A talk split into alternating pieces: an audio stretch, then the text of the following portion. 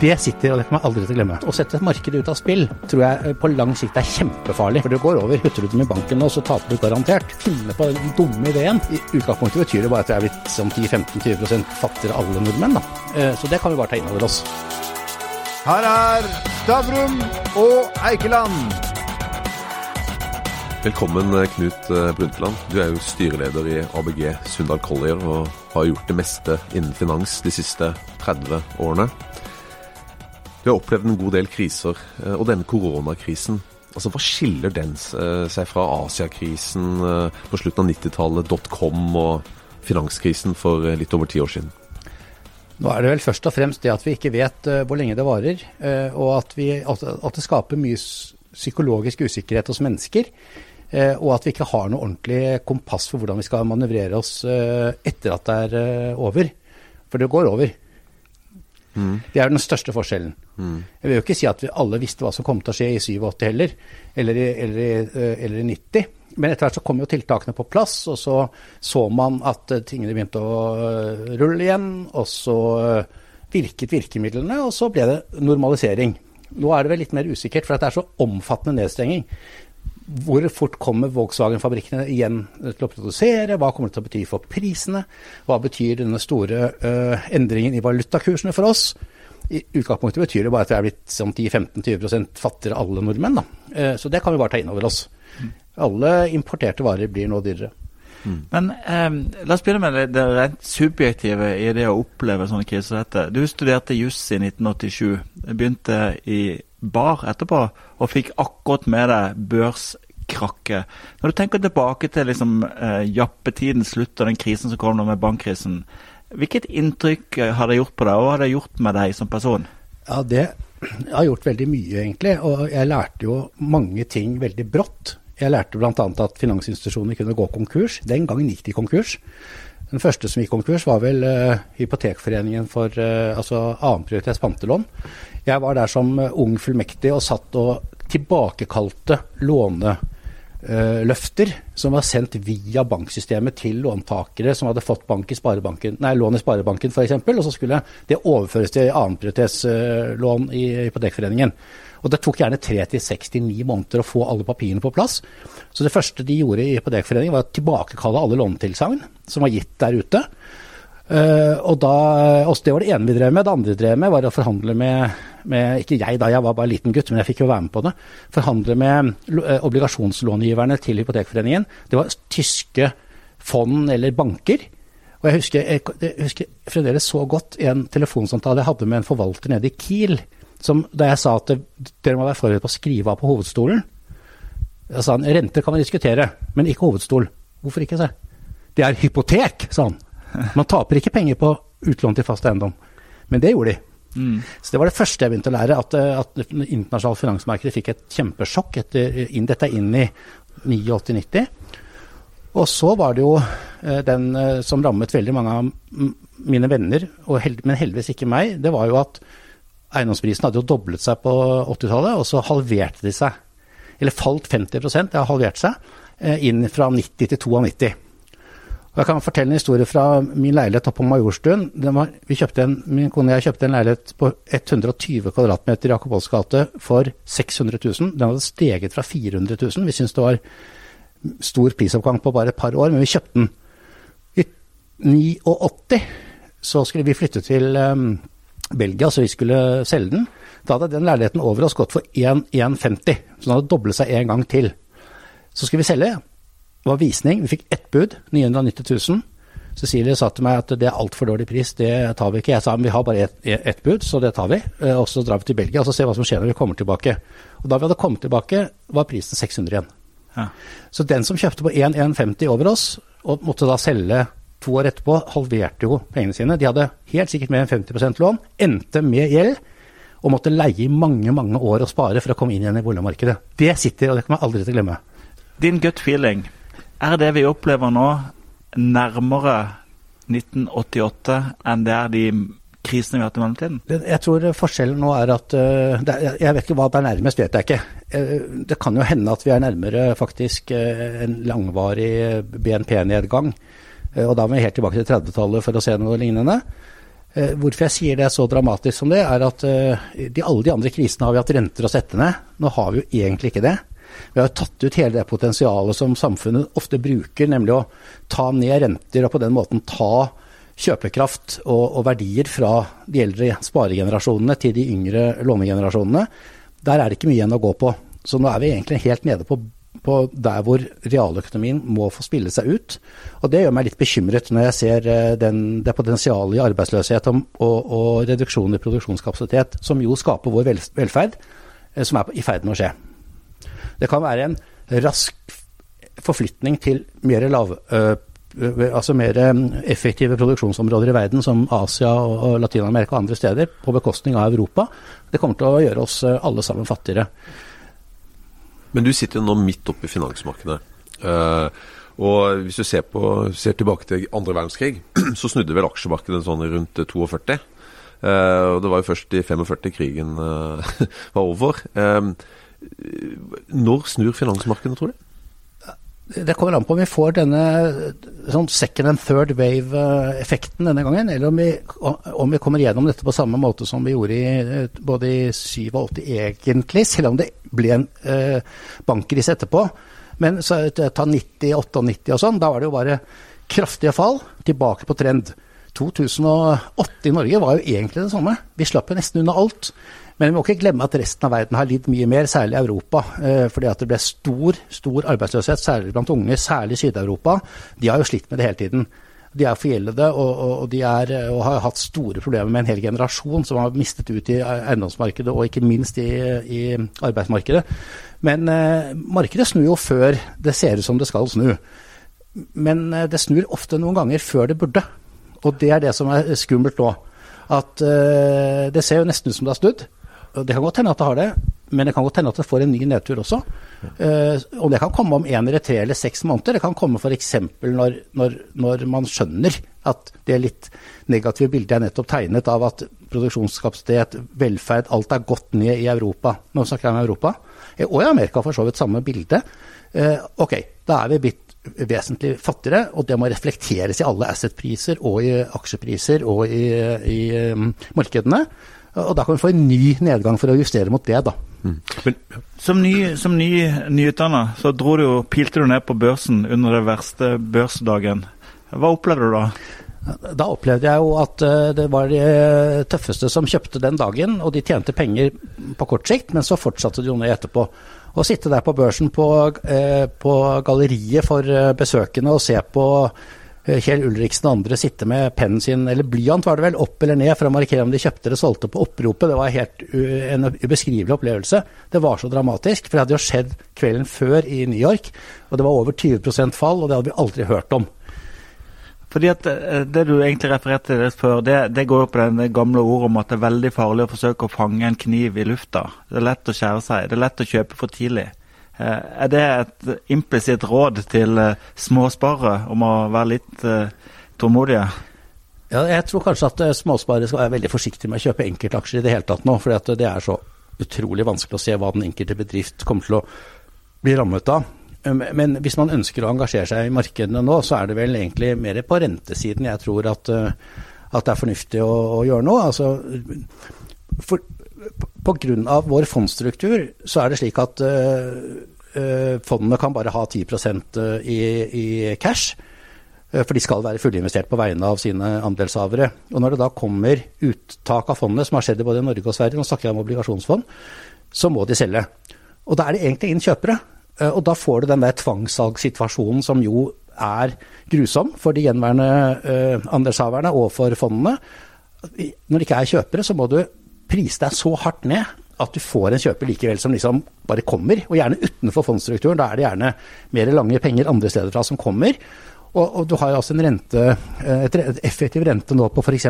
Aker på langt over 10 eh, og, og, det gjør at markedet fungerer ikke. Det er ikke riktig at Aker skal ha over 10% når rentenivået på, i Norge er 1% Dette er en feil, og den feilen er skapt av disse dynamikkene i, i fondene. Og det leder igjen til at det tiltak som myndighetene har gjort nå med Folketrygdfondet, som er veldig godt tenkt og veldig, veldig bidragsytende, Nemlig at Folketrygdfondet på vegne av staten kan delta i refinansiering og rulling og nyemisjoner av, av, av obligasjoner for norsk næringsliv. Det er bra, men når markedet er feil, så er prisingen feil. Og da Eh, er det sånn at de må jo ha med seg markedet for å prise, men prisingen i markedet er feil. Og da blir det faktisk ikke noe stor hjelp for Aker at de kan få rulle en obligasjon på 12% eller hva det blir. For det er altfor dyrt i forhold til det de bør betale. Men for å få alle med oss her. altså Har du penger i banken og har litt is i magen, så ta de ut av banken og kjøp obligasjoner i Aker. Sats pengene på Kjell Inge Røkke, egentlig. Ja, heller det enn uh, ha det i banken, ja. Men, øh, men Hvis du da... først vurderer å kjøpe aksjer, husk på at aksjer, hele aksjekapitalen til Kjell Inge står foran lånet ditt. Mm. Sa han er konk før deg.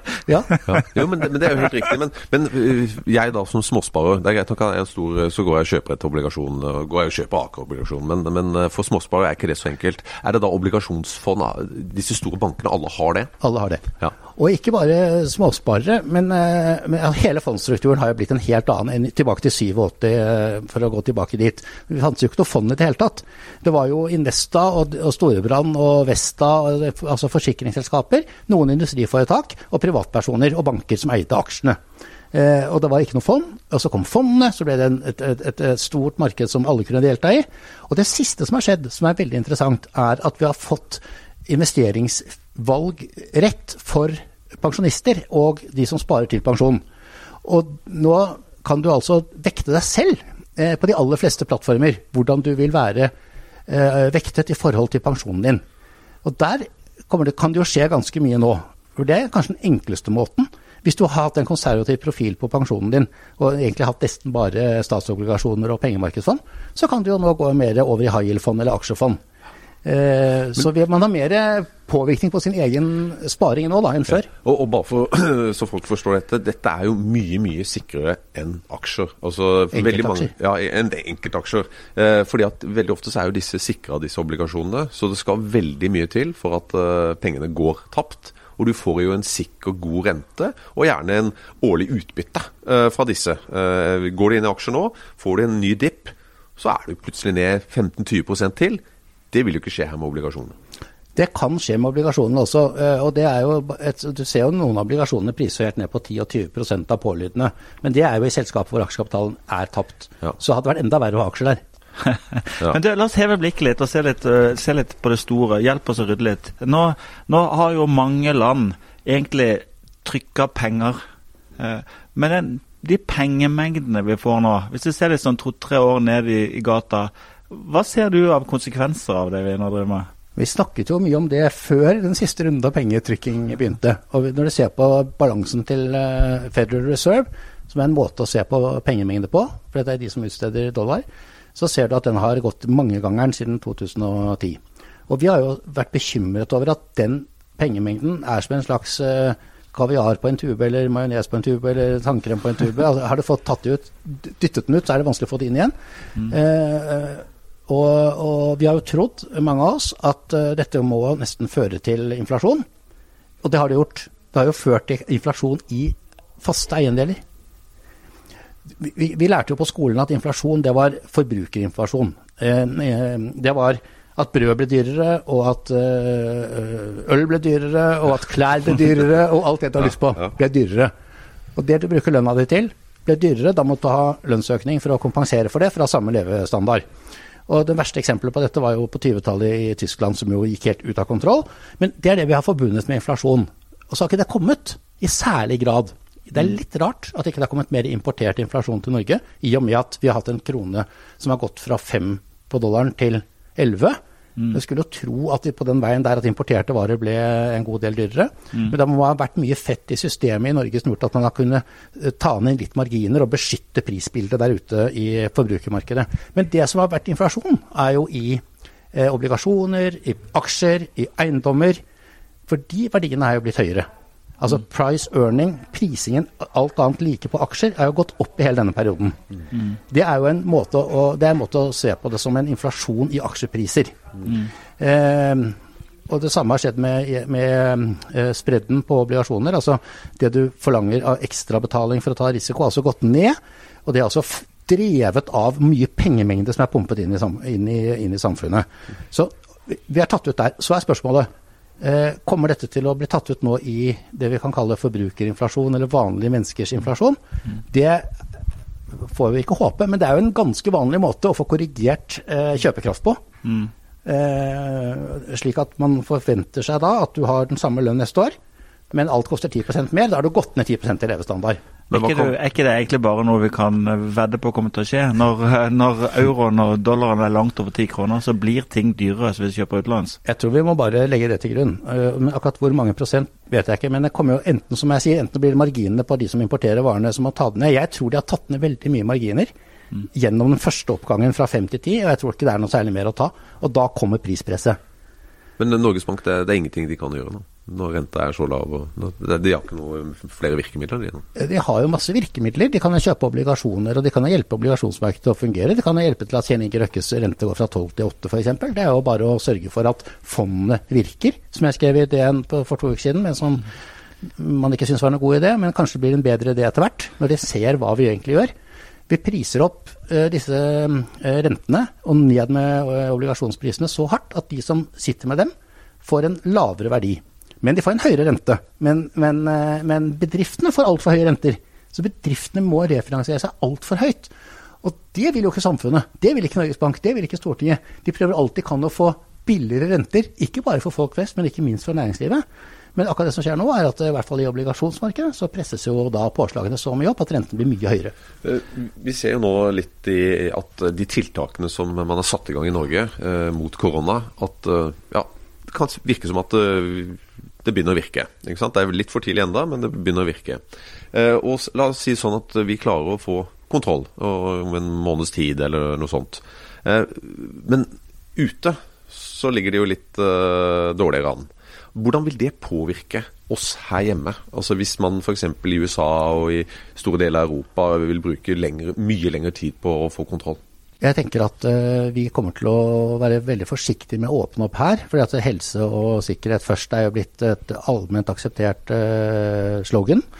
Uh, vi, vi, vi kommer nok til å bli mer optimister, da, basert på vår egen erfaring, enn det vi, har, det vi ser at de andre har grunn til å være.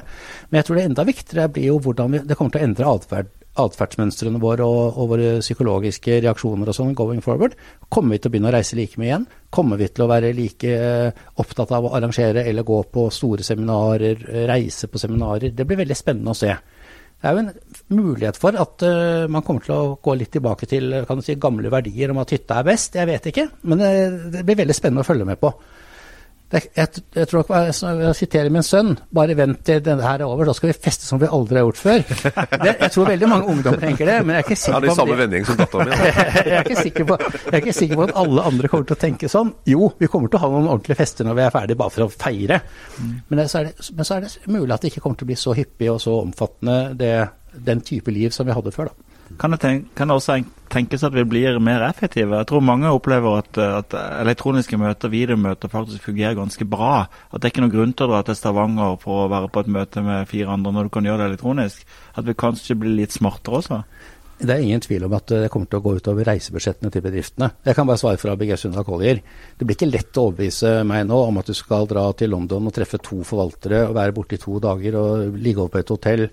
Eh, hvis du kan Spise ta, middag. Og spise middag. Og, og bruke kanskje 20 000 kroner på to dager, når du kan bruke null kroner på, eller et, noen få kroner på å ta de to videomøtene. Det kommer til å bli mye mindre reising i business enn det det har vært. Og vanskeligere å få lov av sjefen til å gjøre det. Men vi, vi, da kommer vi inn på det er jo visse selskaper vi har snakka mye om, særlig Norwegian her hjemme.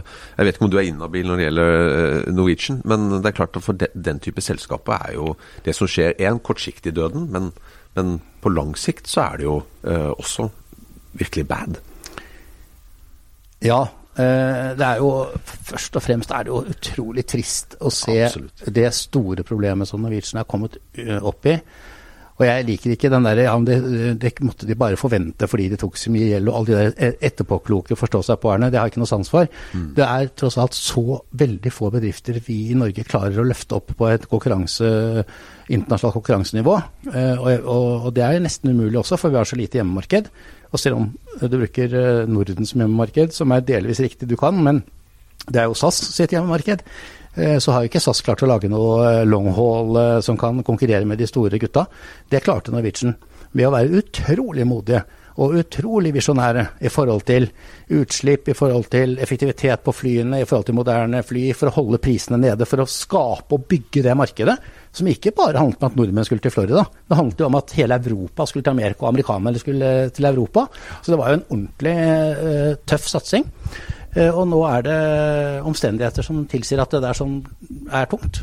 Mm. Men det er bare trist. Mm. At det er tungt. Akkurat. Og det, uh, dette går liksom på, på Altså En fellesnevner ved finanskriser er ofte at, at, de utløses av noe vi ikke så komme. Så, så, har vi jo kjent til pandemier, men hadde vi skrudd klokka et halvt år tilbake, så jeg tror de fleste ville sagt at reiseliv det tror vi er en framtidsnæring. Folk vil reise. Petter Stordalen eier hoteller, Hurtigruta, kjøpte Ving. Altså, Satsa pengene på reiseliv. At pandemien skulle komme og bli så brutal, det er det vel ingen gitt å se på forhånd? Nei, helt åpenbart ikke. Helt åpenbart ikke. Det, var jo, det ser du på prisingen også, på, på, på, børs over lang tid, at uh, turisme næringsliv har hatt høy prising. Noe som tilsier at man har trodd på at det skulle være en langsiktig trend som skulle gi god avkastning. Eller treningssentre. Mm. Eller treningssentre. Men bør vi redde eierne, eller bør vi redde bedriftene? Altså, Der er jeg ganske kald kapitalist og sier at vi må redde bedriftene. Eh, jeg, eh, denne, jeg skal hoppe rett inn i en debatt som var på slutten av 80-tallet, da man reddet bedriftene, nemlig bankene, og ikke eierne. Det er beinhardt og bittert for de som mister de pengene, og den gangen var det mange pensjonister som mistet DNB-aksjene sine og Bergen Bank-aksjene sine og hva det var. Eh, men det er litt av det, det, det er litt av sånn det må være for at vi skal ha et ekte marked og en ekte privat sektor hvor det tas risiko. Det er, jeg tror det er kjempeskummelt hvis vi tar vekk eh, konkursrisikoen fra business. Da blir egentlig eh, veldig mange eh, kompass borte i forhold til hvordan man skal manøvrere, hvordan man skal allokere kapital. Eh, Risiko. Men bedriften må leve. DNB må leve. Men det er ikke nødvendig at det er de samme eierne etterpå. Men er det da greit at uh, altså på, på, slutten av 80-tallet og begynnelsen av 90-tallet så gikk jo staten inn og, og tok kontroll de fleste storbankene i, i Norge. Bør staten nå gå inn og rett og slett ta eierskap i Norwegian? Ta eierskap hos eventuelt ja, hotellkjeder og sånt hvis det, hvis det går skeis? Jeg skal være litt veldig forsiktig med å gi noe råd om, eh, om, om dette her. Altså, dette er, eh, her er det utrolig viktig å følge med, og, eller å støtte det som myndighetene gjør. De kommer til å gjøre noen feil, og mye riktig, det er jeg helt sikker på. Eh, de har manøvrert seg gjennom kriser før. De har valgt forskjellige grep, avhengig av hvilken krise det er.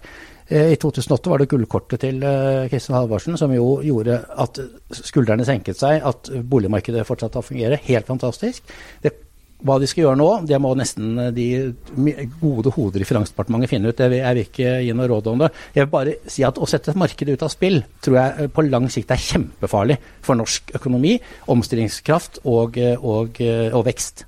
Er det ikke litt interessant at jeg har følelsen av at i løpet av de siste 14 dagene så har, har virkeligheten demra litt? At folk trodde fra starten at staten kom til å ta hele regninga.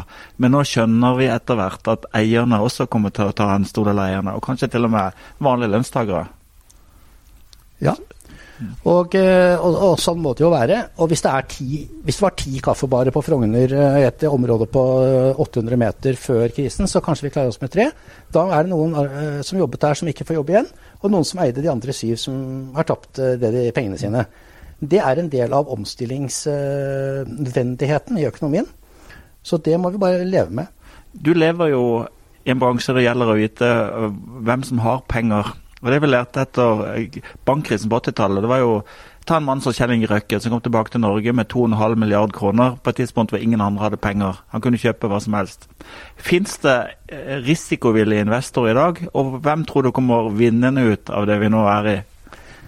Det fins eh, for det første vil jeg si at det finnes mye penger. Så det skal man ikke være noe redd for. At det ikke er eh, likviditet tilgjengelig for å investere. Det er jo det viktigste av alt. Hvis det ikke er penger, så er det jo ikke noe vits å diskutere verken priser eller eh, investeringer. Så penger er det. Er det risikovillige penger? Ja, eh, men mye mindre. Veldig mye av pengene er nå ikke risikovillige. Så, så, det er punkt nummer to. Og punkt nummer tre, kommer de til å bli uh, engasjert? Ja, noen av dem. Og først så blir de engasjert ved at de får veldig gode terms. Altså vilkårene er så gode, som jeg nettopp beskrev i obligasjonsmarkedet. Hvis du for et halvt år siden var villig til å låne Aker eh, penger på 3,75% og nå får 12 så blir du fristet av det. Eh, så eh, pengene er der. Eh, mye penger er der. Risikoviljen er lav nå.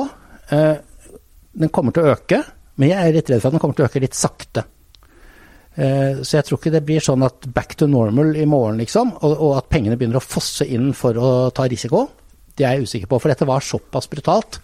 Det er det skarpeste fallet siden 87.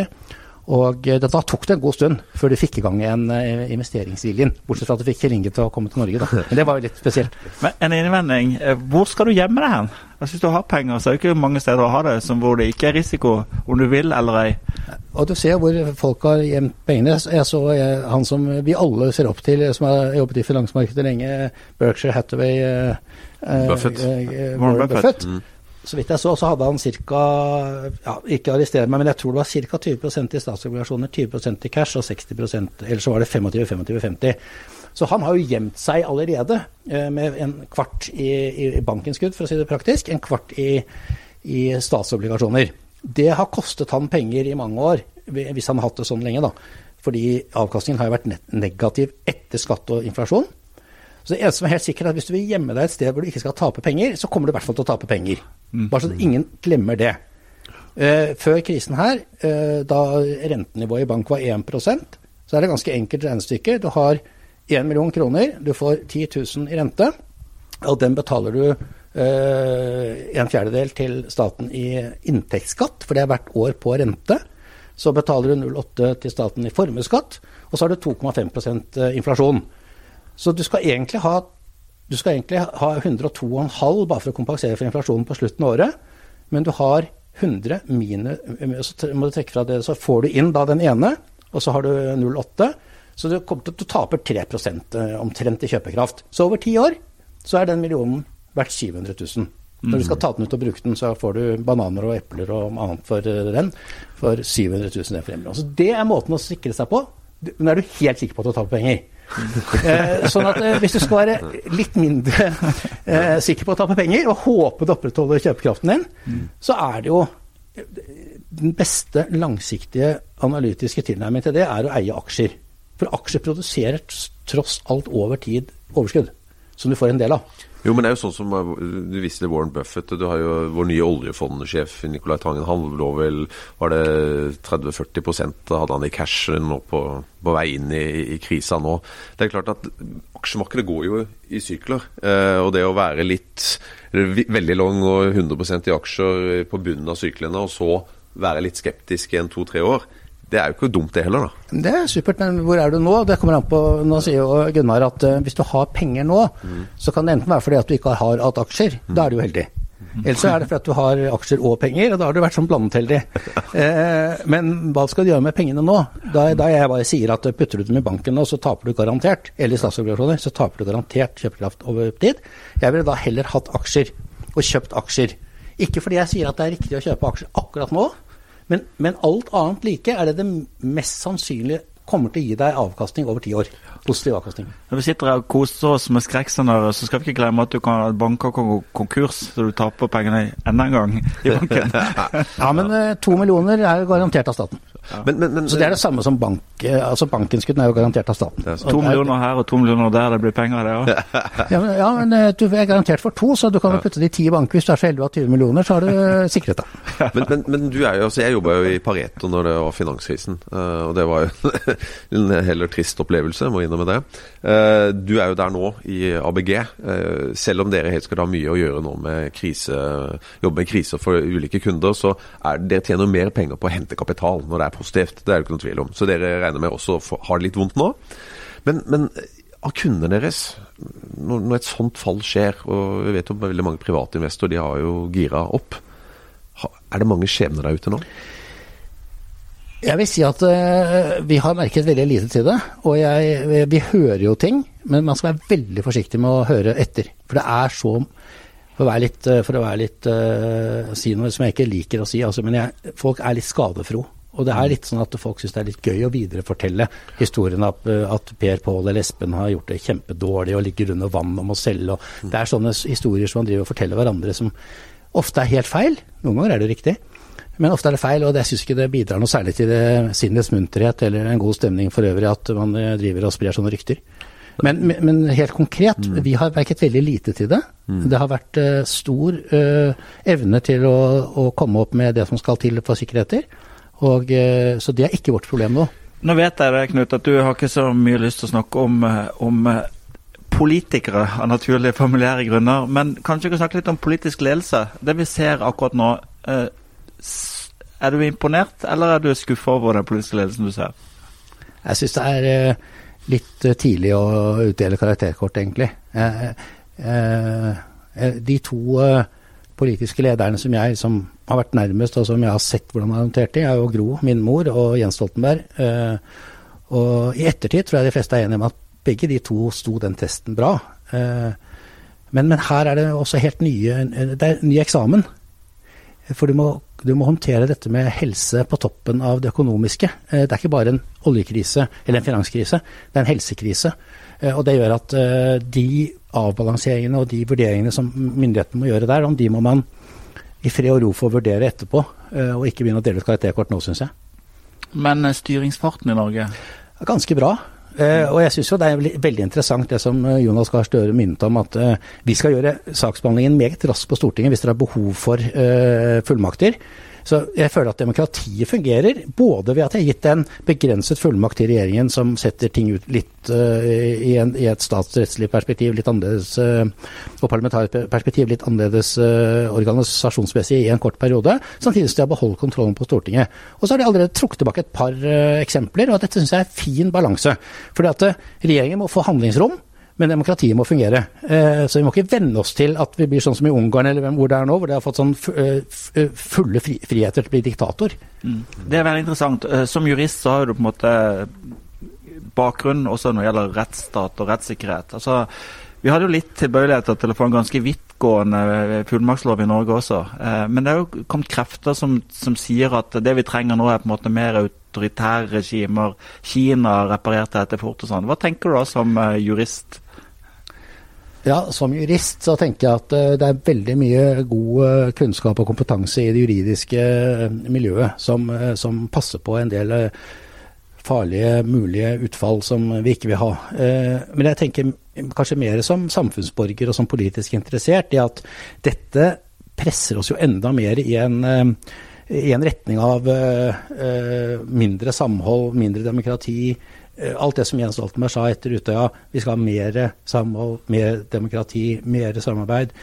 Og så er det sterke krefter nå som bruker dette som, som eh, eh, påskudd til å få dyttet det enda mer fra hverandre. Altså, det blir mer populært med brexit, på en måte. Altså, enda flere finner på den dumme ideen. å bryte ut av fellesskap, lukke grenser, innføre passkontroll. Som det, det verste jeg kan tenke meg, det er Du må lese 'Verden av i går' av Stefan Zweig, som tok selvmord under krigen. Han var jøde og var i eksil i Mexico. Han levde i det fantastiske Europa som var før første verdenskrig, hvor det var åpenhet, og du kunne reise, og du kunne studere hvor du ville. Sånn som vi har vært vant til at Europa er. Og så kom de forferdelige tidene med, med antidemokratiske eh, bevegelser og, og overtagelse av makten av diktatorer i, i mange, mange land. Og han tok selvmord i des desperasjon over at uh, lyset var slått av, liksom. Og den veien vil vi ikke gå en gang til. Frykter du uh, de antiglobaliserende kreftene vi ser nå? Ja.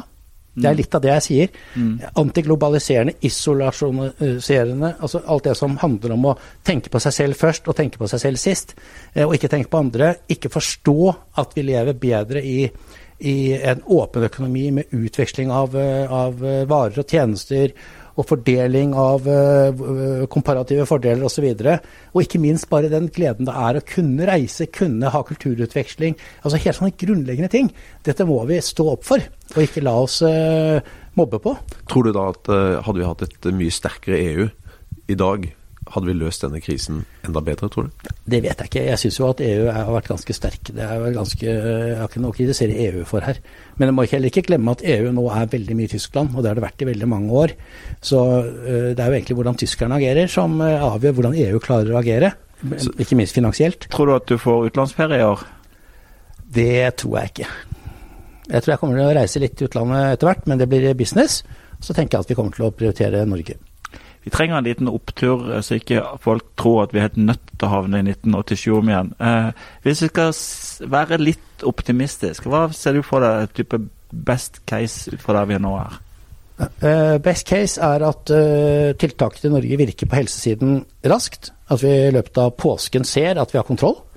At det gir en følelse av triumf og, positivitet, som gjør at Eh, at vi kan eh, begynne å handle igjen, eh, gå på kino, gå på restaurant, ta trikken.